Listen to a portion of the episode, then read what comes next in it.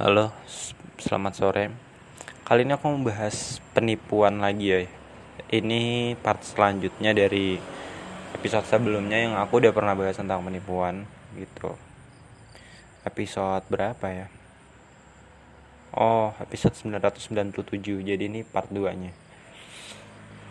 Sekarang tuh aku udah menyimpulkan satu hal dari penipu. Postingan-postingannya supaya kita nggak tergiur. Ingat satu prinsip ini nggak ada sesuatu yang instan di dunia ini. Paham kan? Artinya kalau kita mau kaya nggak ada cara cepat atau cara ringkasnya. Kalau mau kaya ya kamu harus melalui step by stepnya. Yang kemungkinan bisa jadi gagal. Orang kaya itu nggak bisa cuma dibangun satu dua tahun lima tahun. Minimal tuh 10 tahun ke atas lah. Kalau kamu beneran jadi orang kaya yang stabil. Makanya kalau kamu lihat rata-rata usia orang kaya berapa? 40 ke atas. Nggak ada tuh yang 20 30 nggak ada. Itu masih standar lah masih stabil. Masih normal lah belum kaya-kaya banget. Jadi kalau kamu dengar ada orang umur 30 kok kekayaannya gede ya? Jangan salah. Dia masih belum stabil. Dia masih belum terbilang orang kaya. Karena umur ideal paling muda orang jadi kaya itu 40 ke atas lah. Karena apa? Membangun bisnis itu nggak mudah teman-teman. Ada jatuh bangunnya ada gagalnya juga. Lebih banyak gagal dan pahitnya malah. Ya. Atau kalau misalkan jodoh deh jodoh juga deh. Orang yang beneran serius sama cuma pengen enaknya doang itu simple.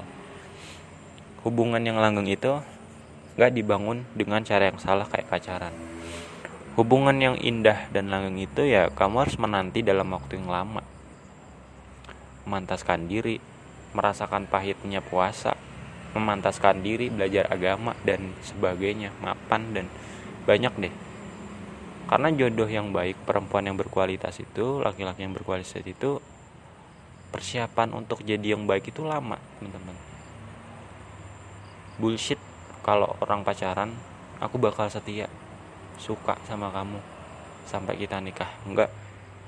Enggak enggak ada. Enggak bisa itu. Enggak ada itu 100% bohong. Penipu ulung orang-orang kayak gitu. Namanya orang serius itu yang ngelamar. Lamaran pun masih berpotensi gagal apalagi pacaran gitu loh. Hubungan itu bukan suka sama suka teman-teman. Lebih dari itu. Ridho dan ridho. Terus sanggup nggak menjalani kehidupan sampai maut datang gitu loh. Itu kedua jodoh. Terakhir uang. Misalkan haji ya kebanyakan orang ketipu soal haji. Dengan iming-iming biaya yang murah fasilitas ini. Bohong nggak ada. Namanya haji itu ya mahal ya kan? Nggak ada. Haji kok cuma 10 juta. Bohong gitu. Kita realistis aja lah. Pesawat pulang pergi berapa? Terus biaya hotel berapa? Nggak mungkin dong kita di kos ya kan? Terus biaya visanya berapa? Upah tour guide-nya berapa? Makan minum di sana berapa? Kita realistis aja lah di sana berapa. Kalau diskon ya diskon nggak gede-gede amat lah gitu. Jadi kita harus bijak juga. Dan banyak lain contohnya. Contohnya tanah. Tanah itu kan harganya bisa sampai miliaran ya. Dan orang ketipu satu miliar itu karena dia nggak ngecek dulu ini bener nggak tanahnya punya dia? Dicek surat-suratnya gimana. Ada orang yang model model foto doang. Terus model tulisan yang menarik bisa loh menipu. Orang bisa kejebak tinggal diolah harganya berapa ketika udah dibayar eh si dia kabur. Di blok nomornya. Sama kayak aku kemarin. Aku beli aplikasi 250 hilang. Artinya ya ini karena bukan ketipu sih tapi lebih kayak ujian terakhir aku menguji terakhir supaya kesimpulanku benar gitu. Kalau di total mungkin kerugianku tuh nggak separah orang lain ya. Paling kerugianku tuh cuman hmm, berapa ya?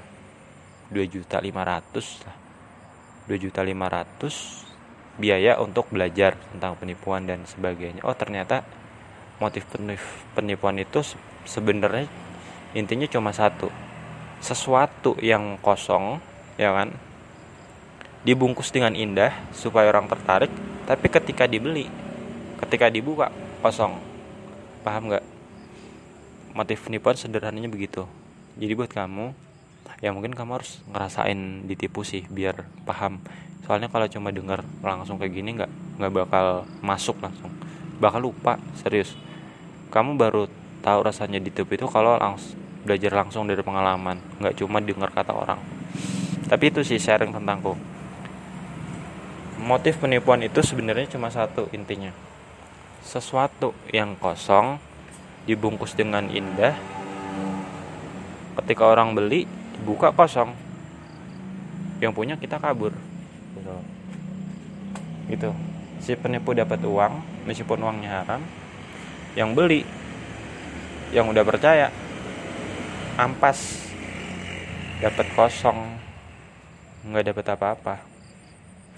Akhirnya ya mau nggak mau harus ikhlas. Sama kayak orang utang berutang. Datang baik-baik minta uang. Nanti dibalikin dengan janji ini ini ini. Tapi ketika tidak eh dia malah kabur. Sama. Gitu. Jadi jangan gampang pengaruh sama orang-orang baik ya